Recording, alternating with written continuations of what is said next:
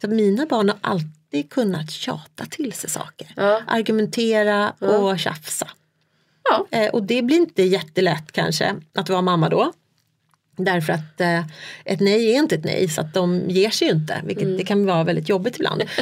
Men å andra sidan tänker jag att då formar jag två individer som inte bara tar en dörr som stängs framför dem. Nej, utan de liksom står och bankar.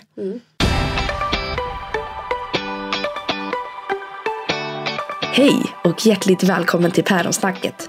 Podden där päron snackar just om föräldraskap och karriär. För kan man verkligen ha en karriär och vara förälder samtidigt? Ja, det är just det vi ska ta reda på genom att jag, Klara Maria Mach, intervjuar framgångsrika föräldrar om hur de tänker kring detta ämne.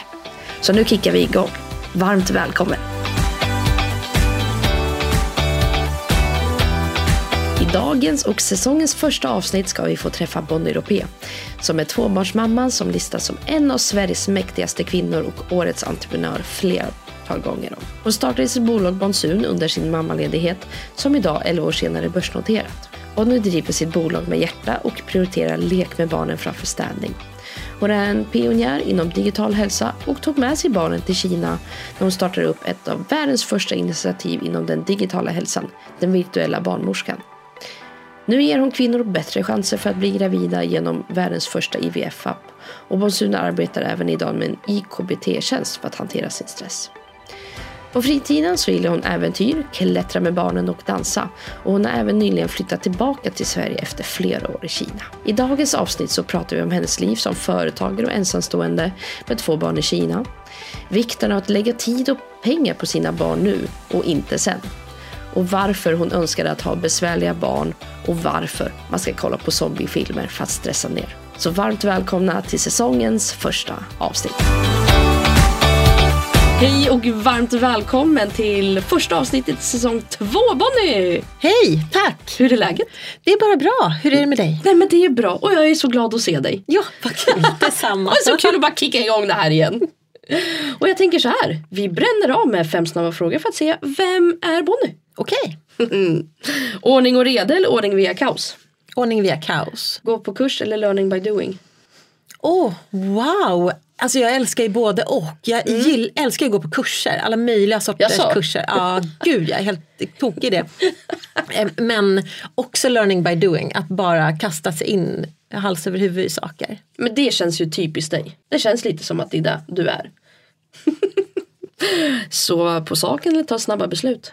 Eh, lite blandat, snabba beslut. Men ibland när det gäller stora, jag har en, liten, jag har en regel när det, när det är eh, beslut. Och det är att jag eh, lovar, försöker i alla fall, jag försöker hålla mig till det här. Att inte lova någonting Ja. när jag är glad och pigg. Och Okej. inte ta några beslut när jag är trött och ledsen. Alltså, är jag trött och ledsen, då sover jag på saken Just det. när det gäller att ta beslut. Och är jag glad och pigg då försöker jag sova på saker när det gäller att lova saker. Just det, för annars kommer man bara säga ja till allt.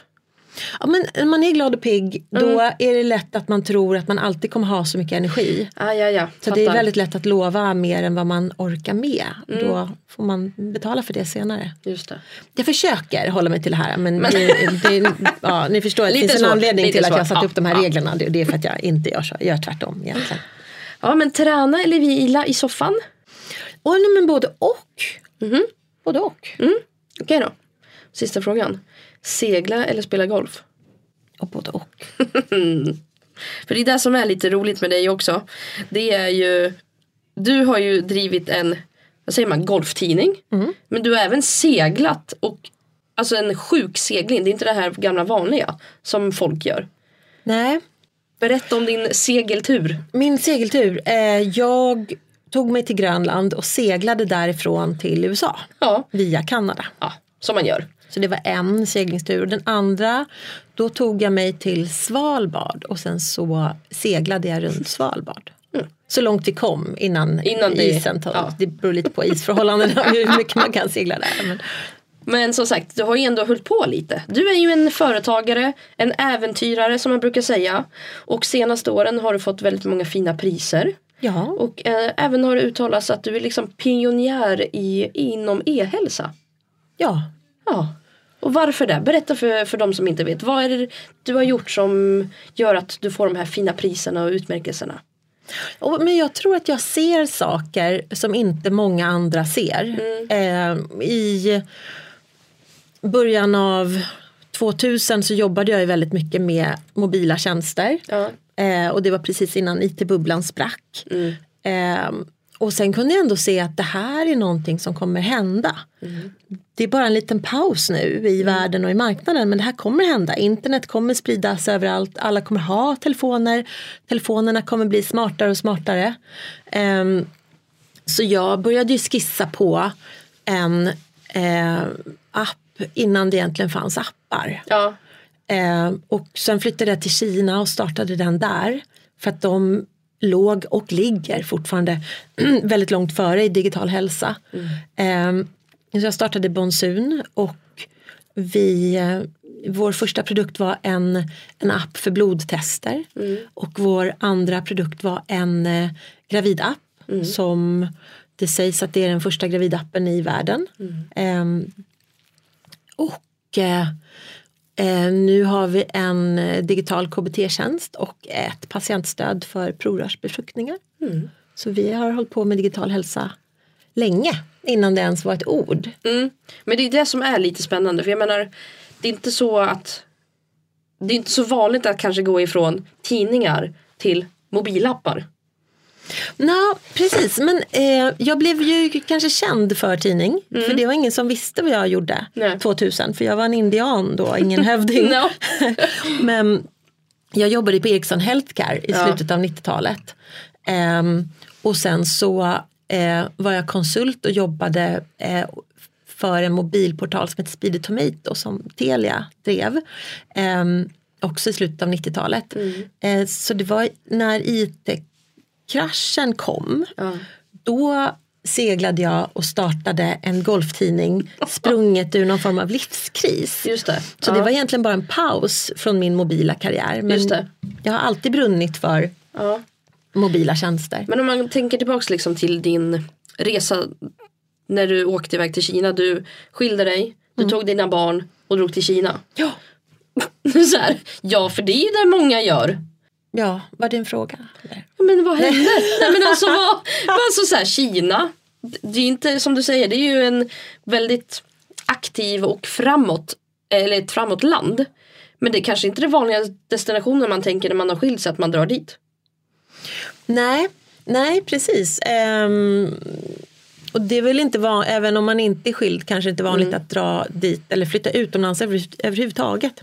Nej precis, nej så är det ju. Ehm, men det är väl någonting, någon form av kanske hybris, eh, självbedrägeri, så att man ljuger för sig själv och har någon form av Ja. vision eller stark idé om det man vill göra och inte riktigt ser hur Hinder. svårt det kommer bli. Ja precis. Men var det svårt då?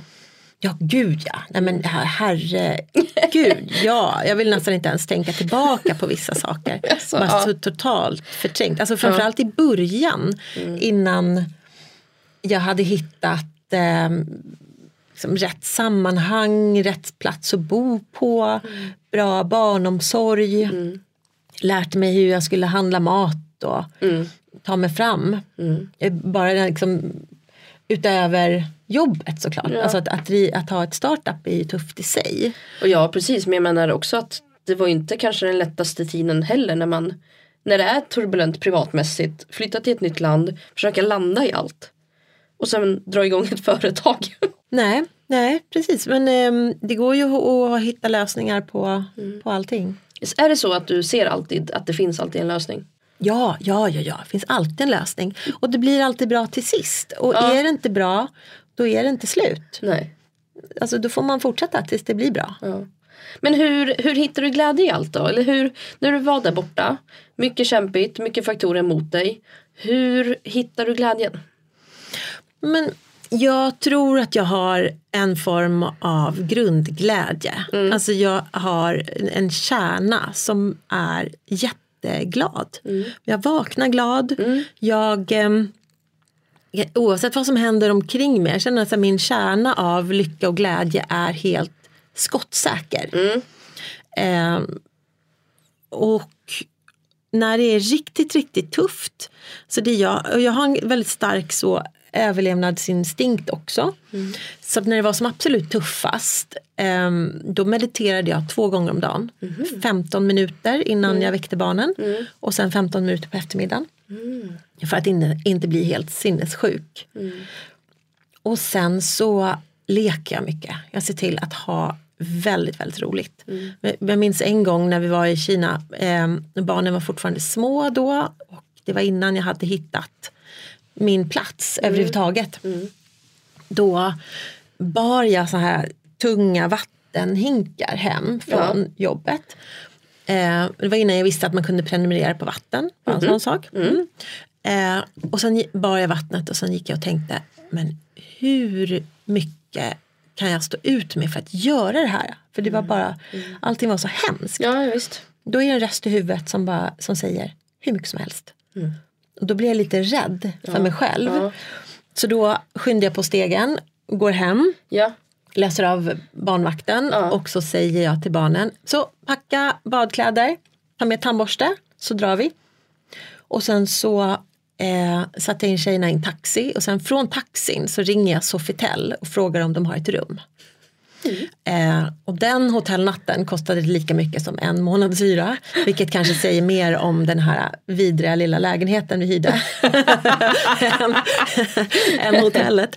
Men då checkade vi in där. Och sen så badade vi, de har jättestort så här vattenland, vi badade hela kvällen under fullmånen. Mm. Jag var helt omedveten om hur myggbitna vi blev. För att Märker man alltid sen. Mm. Mm. De låter inte någonting myggorna där. Um, ja. Och sen när barnen hade gått och lagt sig så tog jag ett bad. Ja. Och sen så satte jag mig vid hotellets skrivbord och sen gjorde jag, tog jag ett vitt papper och sen skrev jag som rubrik Vad behöver jag? Mm. Och så tänkte jag om jag nu uppenbarligen är beredd att göra vad som helst för att fortsätta. Men jag kan inte fortsätta så som det är nu. Mm. Så vad behöver jag? Mm. Så listade jag. Jag behöver hitta svenska kompisar. Barnen behöver ha svenska kompisar. Mm. Låter kanske lite konstigt men det är sån kulturkrock med mm. att vara svensk ehm, med kinesisk barnuppfostran. Ehm, att jag kände mig lite som ett freak hela tiden. Mm. Och så skrev jag, jag behöver hitta ett dagis mm. till barnen. Och jag behöver flytta, jag behöver nytt kontor. Mm. Mm. Och var du helt själv då i bolaget? Nej, Nej. Eh, jag hade Jin Wei Chen som mm. fortfarande är med mig. Mm. Eh, min anställda nummer ett. Ja. Det var hon och jag ja. som eh, eh, drev det här då. Mm. Eh, och sen hade vi ju våra programmerare som jag fortfarande har kvar. Eh, så jag, har, jag har kvar mitt mm. kärnteam fortfarande. Det är ganska häftigt. Mm. Det är, det är rätt fantastiskt. Vi har gått igenom mycket. Jesus Christ vad vi har gått igenom mycket tillsammans. ja. När det var som värst då ställde vi in en säng i konferensrummet mm. i kontoret i Shanghai och mm. Airbnb-ade ut kontoret på helgerna. Det mm. minns vi tillbaka på ibland. Ja men för det, det är ju det här också som visar att du är en riktig entreprenör tycker jag. För att ett, alltså ett entreprenörsliv, företagliv, vad, nu vill, vad du vill kalla det, så är det så mycket toppar och dalar. Men det enda man pratar om det är bara framgångsbitarna. Och de brukar inte vara så stora om man jämför med allt annat man har gjort innan för att nå dit. Ja, nej men, ex men det, och precis. Jag har ett, en, en, ett litet album i min telefon mm. som är bakom kulisserna. Ja. När eh, min kompis Frida, som jag ofta sov hos när jag reste sen, ja. eh, hon fotade mig alltså efter de här tillställningarna som man mm. går på. Så efter att ha stått på scenen på ja. Slash och pratat. Nu jag bara ligger och har somnat på golvet. liksom. och bara ligger helt slut i ja. fosterställning i någon soffa. Oh, kära någon. Ja, men det är ju, men, jo men det jag skulle säga i alla fall. Mm.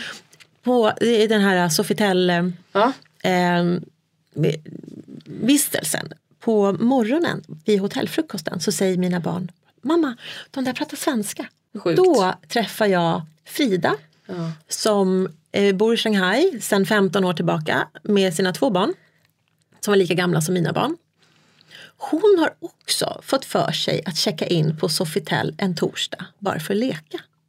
inte det helt sjukt? Det är helt sjukt. Och både, hon, Ja, och både hon och jag var så trötta och slutkörda att vi bara gick bredvid varandra och tittade på när våra barn lekte i princip. Ja. Ehm, och det var liksom början för mig till ett nytt sammanhang. Jag fick alla de här tipsen. Ja. ehm, förstod var jag skulle hitta lägenhet och vilket dagis Ja. och att man kunde prenumerera på vatten. Ja. Och hur man skulle kommunicera med sin kinesiska barnvakt. Ja. Men hur mycket, så här, har du pratat någonting med dina barn just nu kring tiden i Kina? Alltså ser de tillbaks, såg de allt det här som du har gått igenom liksom i bolagsvärlden? Oj, bra fråga. Vi pratar mycket om tiden i Kina Mm. och de håller sin kinesiska levande med Duolingo. Ja. Ehm, och de minns ju mycket av Kina. Vi, nej, vi har, har nog inte pratat om bolagsvärlden så. Jag tror Mm. att för dem är det nog normalt. De tror att alla mammor Mm. Är så här Ja. och gör så här. Ja. Tror jag. För eh, var de involverade på något sätt eller liksom de var med på kontoret eller? Ja men oh ja, ja ja ja. Alltså ehm, så som jag la upp det innan, när vi flyttade hem från Kina. Alltså när jag flyttade ner till Kina då var det bara rakt Ja. in. så. Ja. Ehm, men när vi flyttade hem då hade jag ett sånt perfekt upplägg så att det var svårt att lämna landet och Ah. komma tillbaka. Eh, då gjorde jag så här att ehm, ja, och nu kommer jag beskriva en absolut drömtillvaro för alla lyssnare. Så jag vill göra en disclaimer och tala om att det tog liksom år av eh, ett litet helvete först innan jag kom på det här smarta upplägget. Så att det Ja. inte så här, Det kommer inte i ett nafs.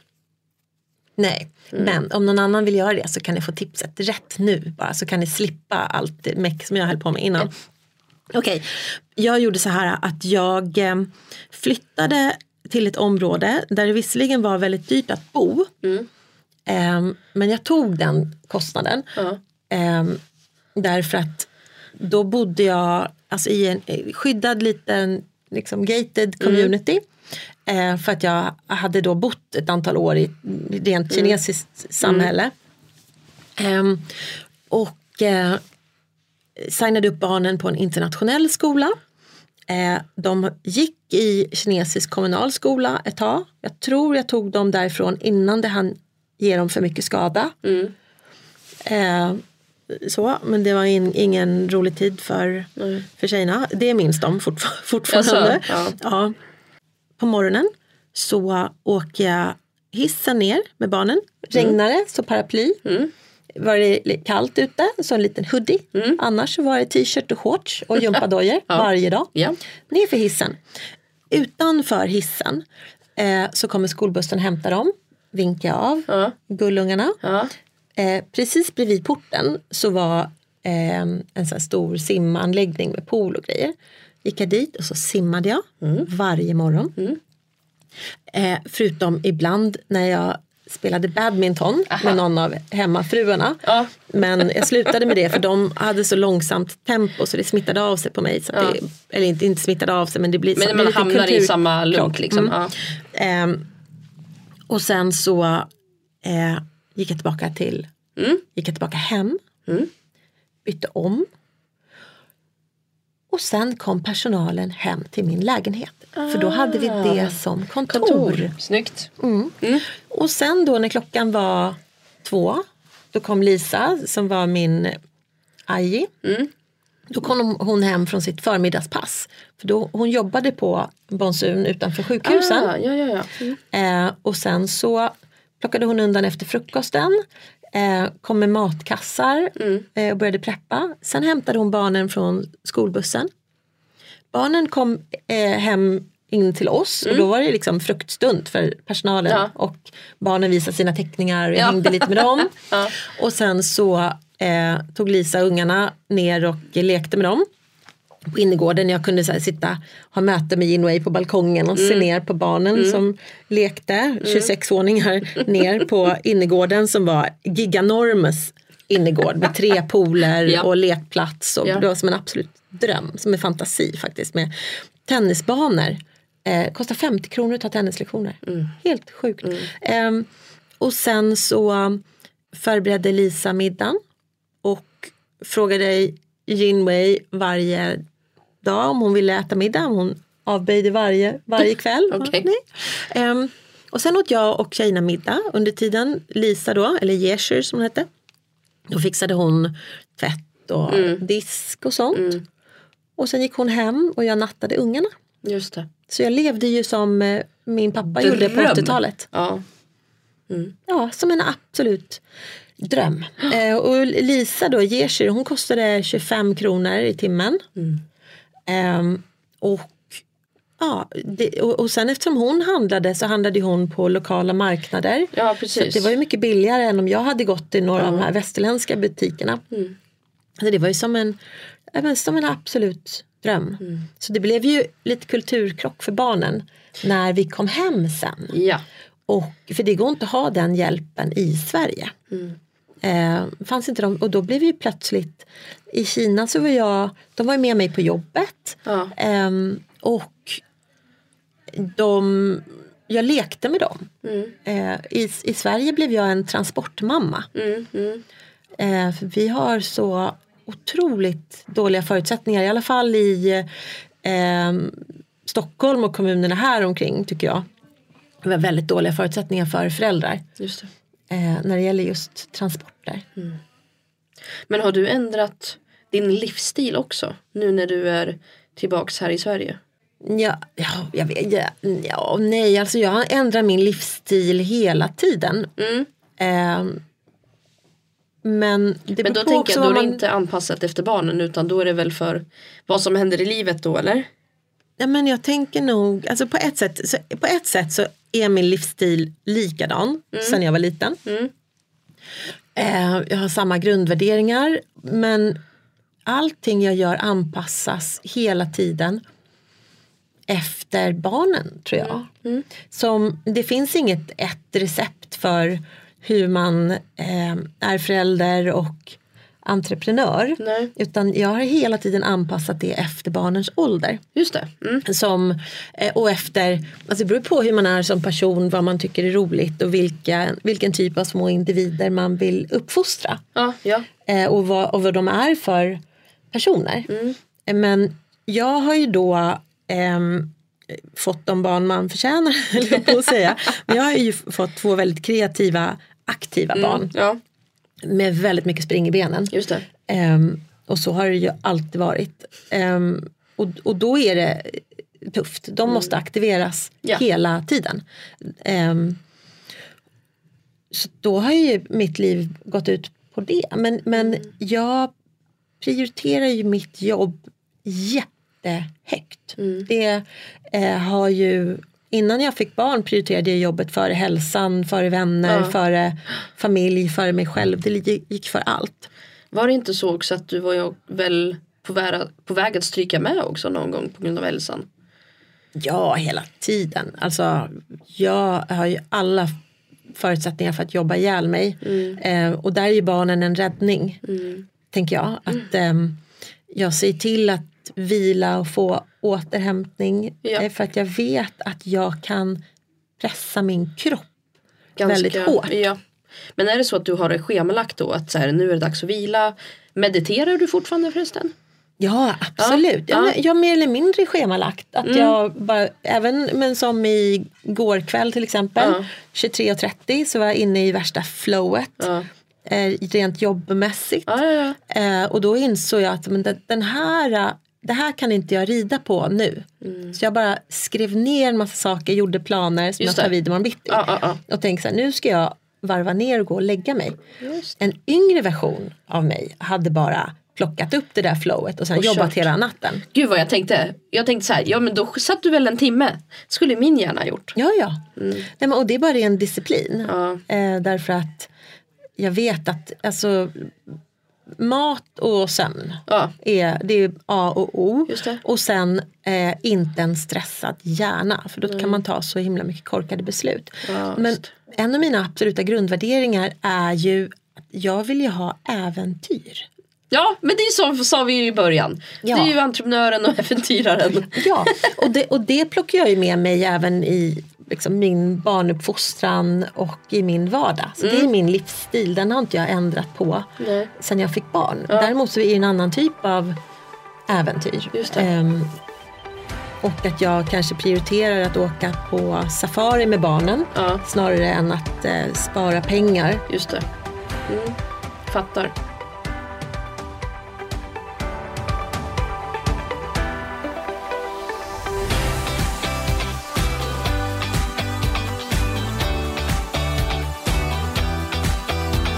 Men eh, ska vi ta kanske en liten mitt, mitt del som är ny här för säsongen. Du ska få reagera med känslor. Oh, Oj, nu fastnade jag. Så att du har! Sex stycken känslor.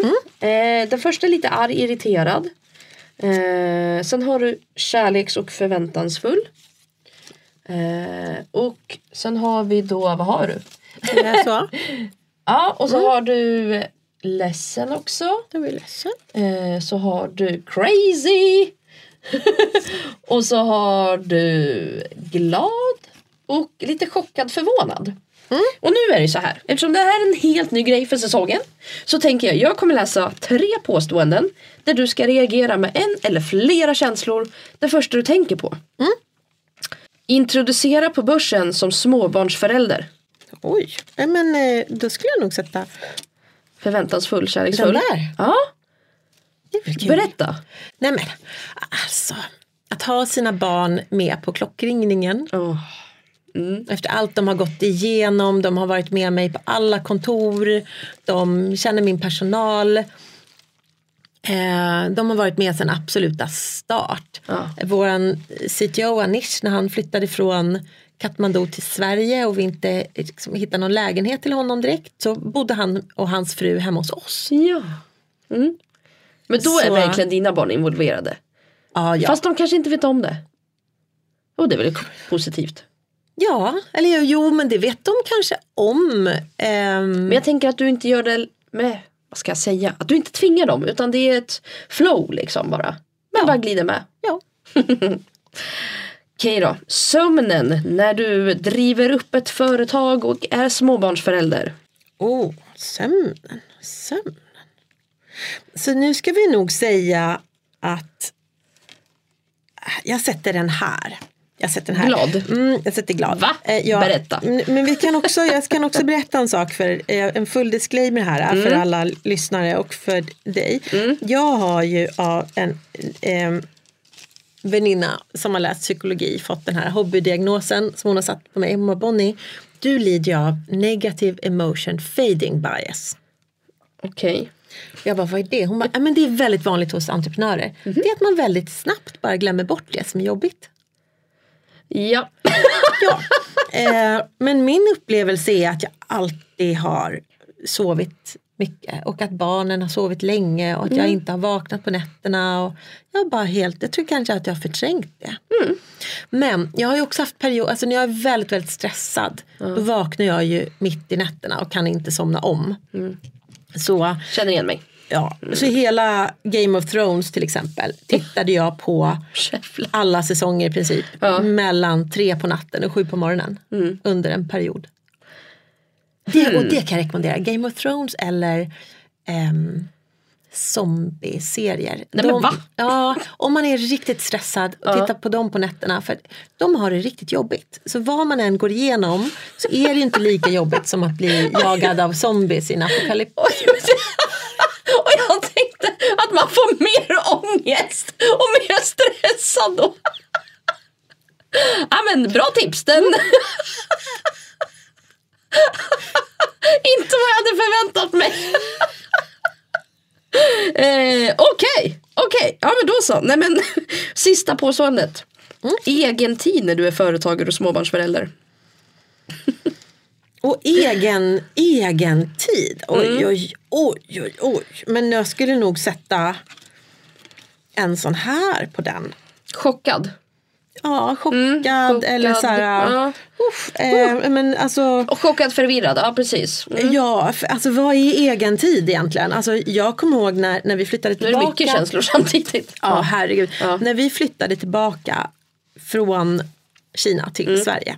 då reste jag ju mycket Just det. eh, dit. Eh, även innan vi reste, innan jag flyttade till Kina så reste jag också mycket. Mm. Och då eh, förstod jag inte folk som inte tycker om att flyga. Jag bara älskade att flyga. Jag det. såg det som min egen tid. Det var min egen tid. Ja, ja, ja, ja. Sitta på ett flygplan fastspänd i nio timmar och någon annan kommer och serverar mat och man behöver inte diska och man kan se film. Mm. Eh, jag tror att om jag hade varit 25 så hade jag inte definierat det som min egen tid. Nej, slöseri på tid kanske man skulle tänka då. Ja. Så jag tror att definitionen av egen tid blir väldigt snäv. Ehm, man bara, åh vad lyxigt, här sitter jag på ett plan och ingen skriker på mig. Jag har ju så när jag sitter på tåg nu. Ja, ja. Så skönt. Jag kan bränna av så mycket saker. Jag kan välja att jobba, jag kan välja att bara sitta och scrolla på mobilen. Alltså så här, och ingen stör mig. Det är så skönt. ja. Men en annan fråga då, tänker jag så här. Du är driven, du hade mycket idéer, du drev igång eh, när ni flyttade. Men många kvinnor sätter ju igång bolag under sin föräldraledighet. Mm. Varför tror du att det är så? Alltså jag drog igång Bonsun under min föräldraledighet. Mm. Så du har varit föräldraledig? Ja, absolut. Det Ja. har jag. Em, Första barnet Jackie, hon föddes ju när jag var vd på Red Tea. Ja. Så eh, hon var ju med mig överallt. Mm. Em, då var jag inte särskilt föräldraledig. Nej. Em, men när Charlie föddes då hade jag ju sålt Red Tea. Ja. Och var mellanjobb så att säga. Ah, Okej, fattar. Mm. Så då var jag helt föräldraledig. Jag bara em, låg hemma, gosade med min bebis, eh, skjutsade iväg Jackie till dagis. Och sen låg i soffan och gosade med Charlie. Ja.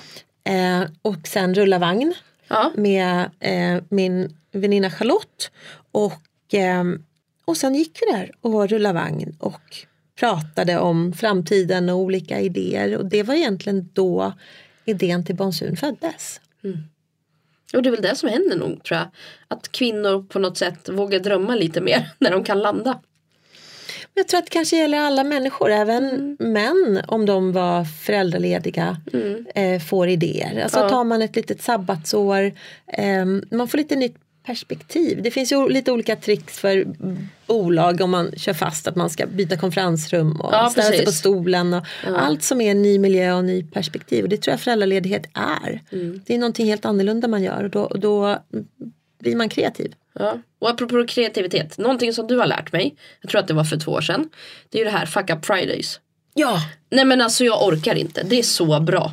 Ja. Och det är ju någonting som jag förstod det som du körde väl i, alltså ni började med i Kina. Eh, Ja. Du får väl berätta lite.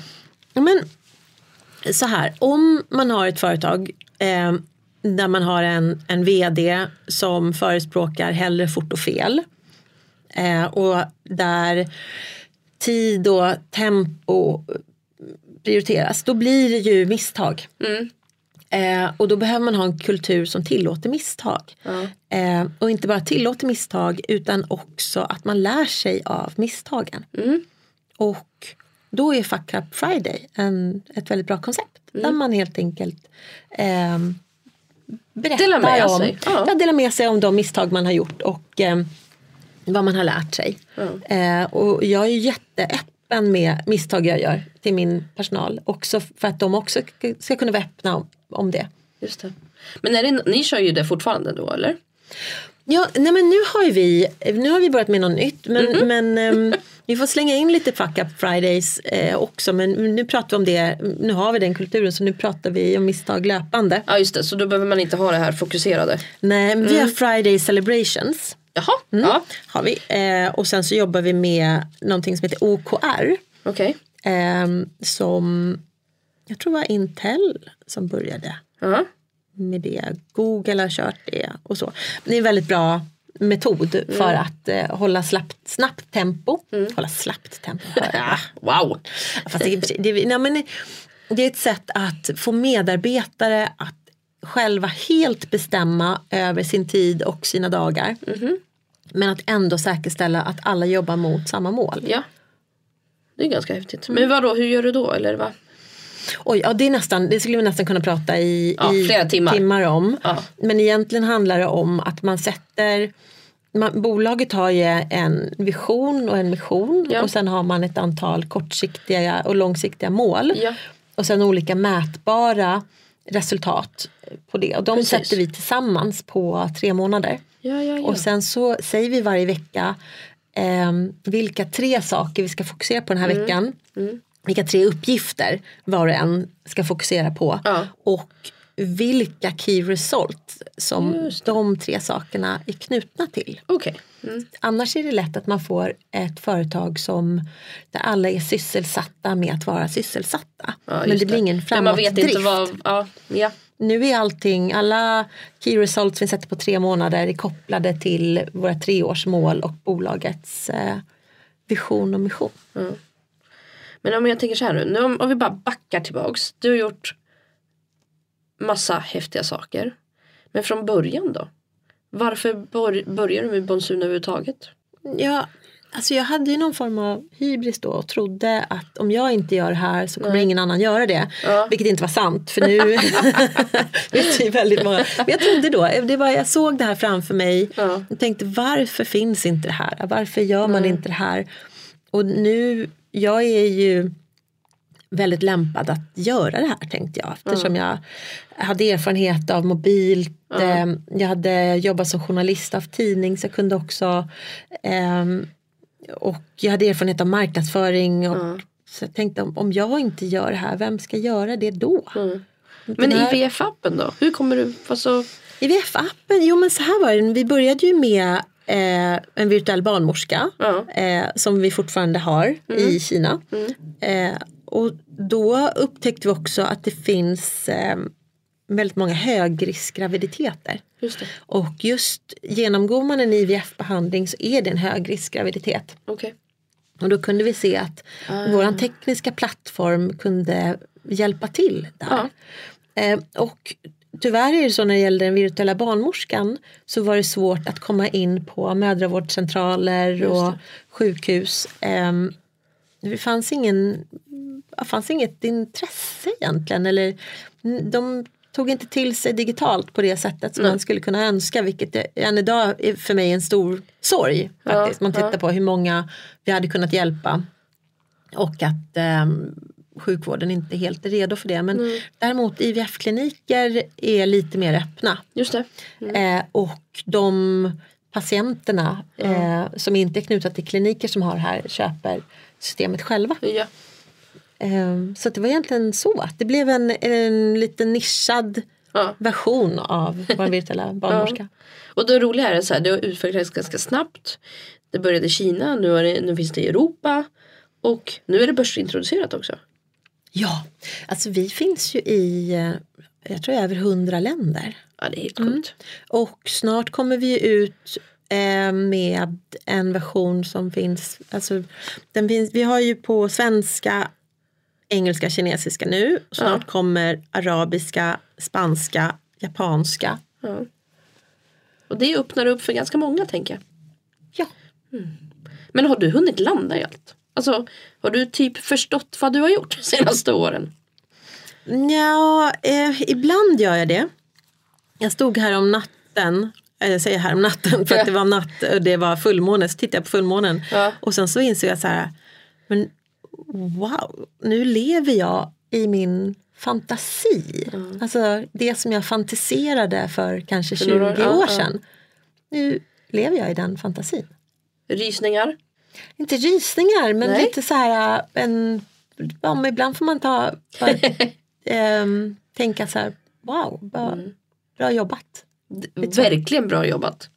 Det måste ju du lyssna på dig själv när du säger också. Väldigt bra jobbat. Ja, tack. Ja, nej, men jag, är, jag har blivit mycket bättre på det. Mm. Ja. På att så här, landa och Och jag tänker så här då. Som ensamstående, inte alltid jättelätt. Hur håller man lågan uppe när man är ensamstående och det händer så mycket saker i företaget?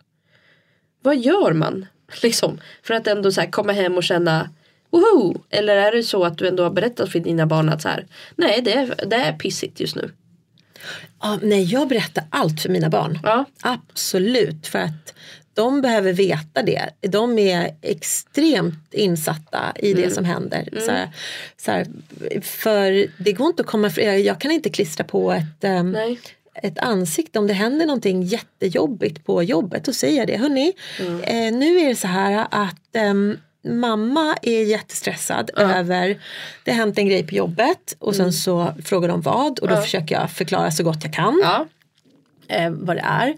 Ehm, och sen så talar jag om vad det är för hjälp jag behöver. och det, det. kan vara så här så att just idag undrar jag om det är någonting så här helt hemskt som har hänt på jobbet. Som det, ibland kan det vara Ja, det. ja. Man bara så här, då kan jag säga så här, nej men jag, jag vill helst bara eh, lägga mig ner nu och inte göra någonting. Så skulle ni kunna göra er egen middag. Ja.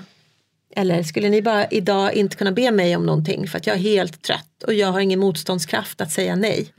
så, så snälla, just idag, låt mig bara vara. Ja. Ja, häftigt ändå att kunna ha den där dialogen. Jag tror att många har nog inte det. Tänker jag mig. Nej men jag, jag tror, alltså jag försöker vara autentisk i alla delar i mitt liv. Ja. Eh, och anledningen till det är att jag liksom, tidigare i mitt liv inte har varit det utan Ja, okej. när jag var yngre trodde att jag behövde ha en mask. Ja. behövde Man ha en behövde fasad. vara en speciell person för att bli Ja. accepterad. Mm, fattar. Ja, eller för att man trodde att så är det. Så här ska man vara som chef och så här ska man vara som mamma och så här ska man vara som vän. Eller... Men är då mammaskapet lite som du hade tänkt dig? oh, jag, jag kommer inte ihåg hur jag hade tänkt mig det. Eh, ja, det kanske det är. Ja. Jag tror jag, eh, jag tänker att jag är mig själv helt fullt ut. Mm.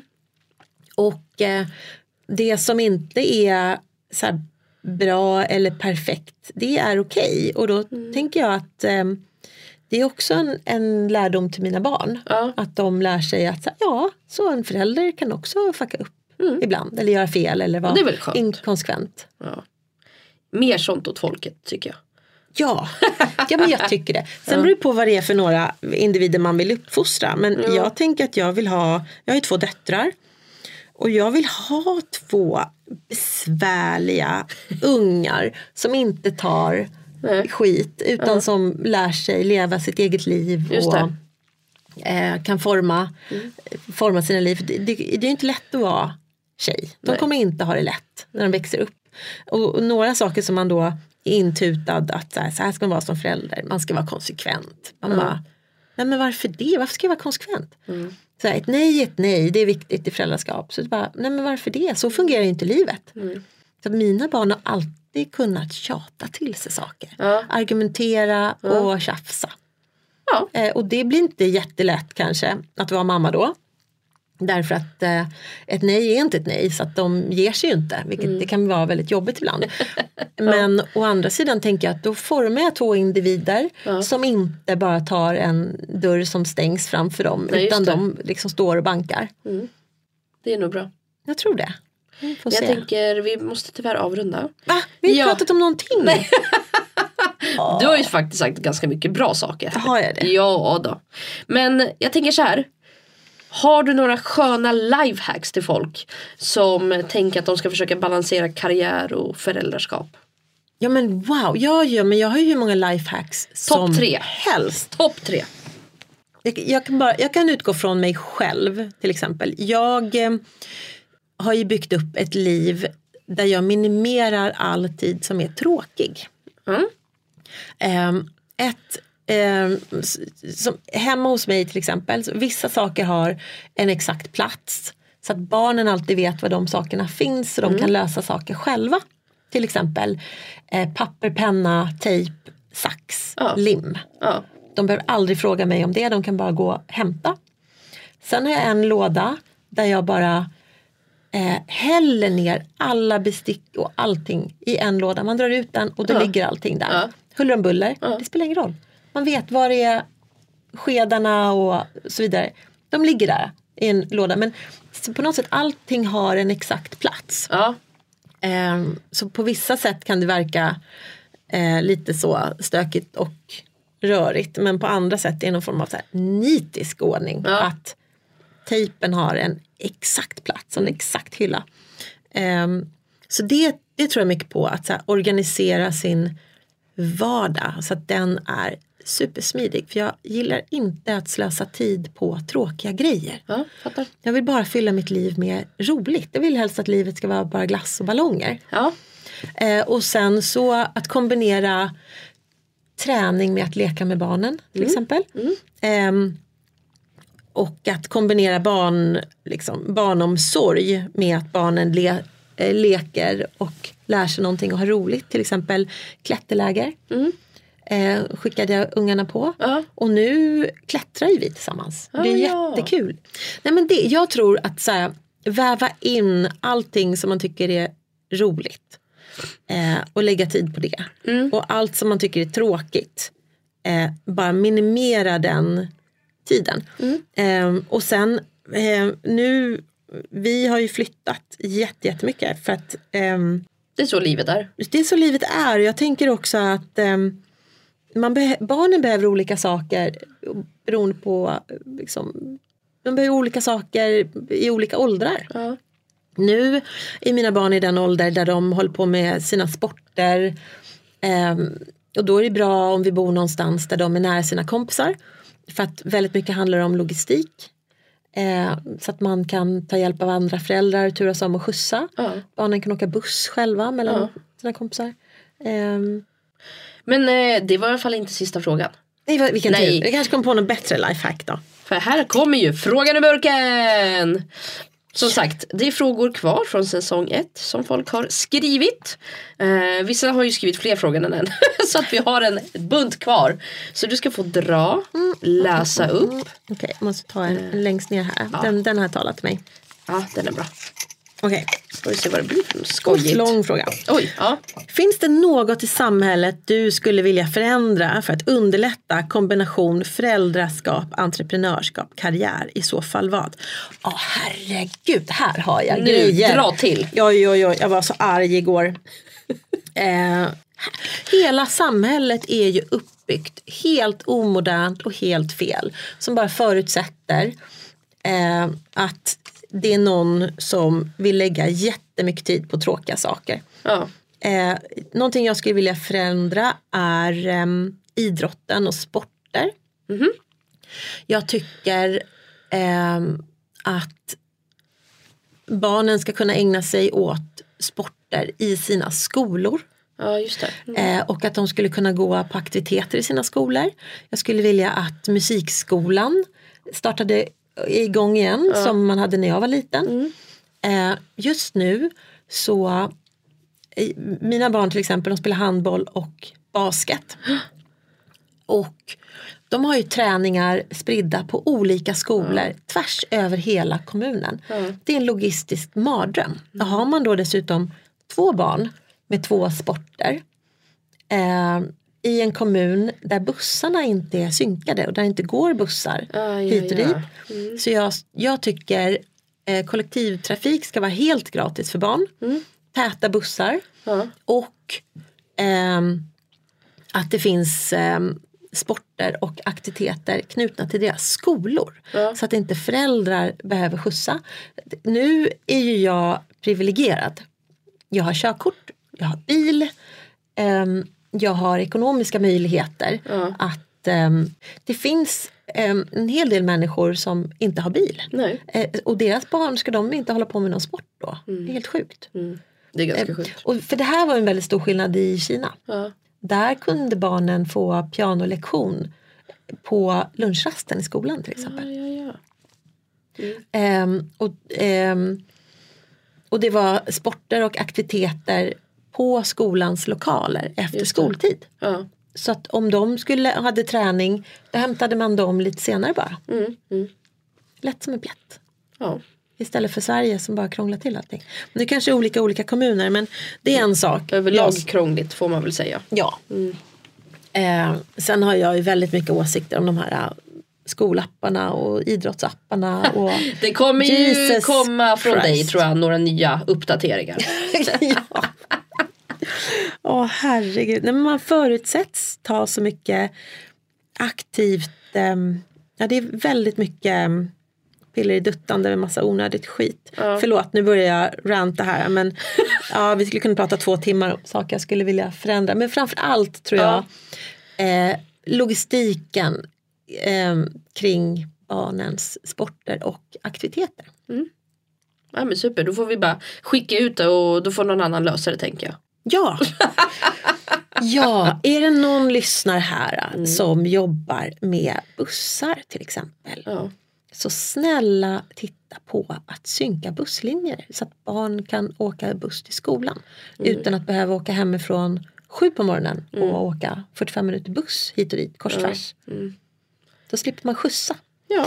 För att det är inget kul. Eh, Jo, det är ett lifehack. Ja. Och gud vad jag har roligt med mina barn när vi åker bil. Ja. Att in, alltså, ta tillvara på Den de här stunden. vardagsstunderna. För nu tack vare att det är så himla dåligt planerat med bussar i de här kommunerna som jag och barnen har bott i. Eh, då har ju vi, eh, men vi gör roliga saker i vardagen. Städdisco har vi till exempel. Jaha, snyggt. Mm, det är ett lifehack. Ja. Kombinera, alltså göra, Dansa när man städar. ja, bara dra på jättehög musik, Ja. discolampa. Ja. Och sen så får barnen städa precis vad de vill. Men Ja. de vet att så här, under tre låtar nu så ska vi alla tokstäda. Ja. Varsitt rum. Så delar Ja. vi upp regioner och så tokstädar vi. Mm. Det blir kul. Låter bra. Så det, det är väl ett lifehack. Ja men super Bonnie. Eh, stort tack för att du var med och kickade igång säsong nummer två. Nu är vi redo, nu är vi igång. Nu har vi fått också massa tips. Och så kul också bara få höra hur du har gjort både i Kina och vad som hände när du flyttade tillba- tillbaka. Så stort tack Bonnie. Ja, tack för att jag fick komma. Och ha det så bra. Hej svejs! Hej då! Du har precis lyssnat på Päronsnacket med mig, Klara Maria Mach. Gillar du podden får du gärna prenumerera och recensera. Kika gärna in Päronsnackets Instagram för att säga hej, tipsa på vem du skulle vilja ha med i podden eller om du vill bara dela med dig av din historia. Jag vill även rikta ett stort tack till Underverket Coworking i Stockholm för att vi har kunnat spela in detta avsnitt hos er. Och stort tack till dig som har lyssnat. Vi hörs!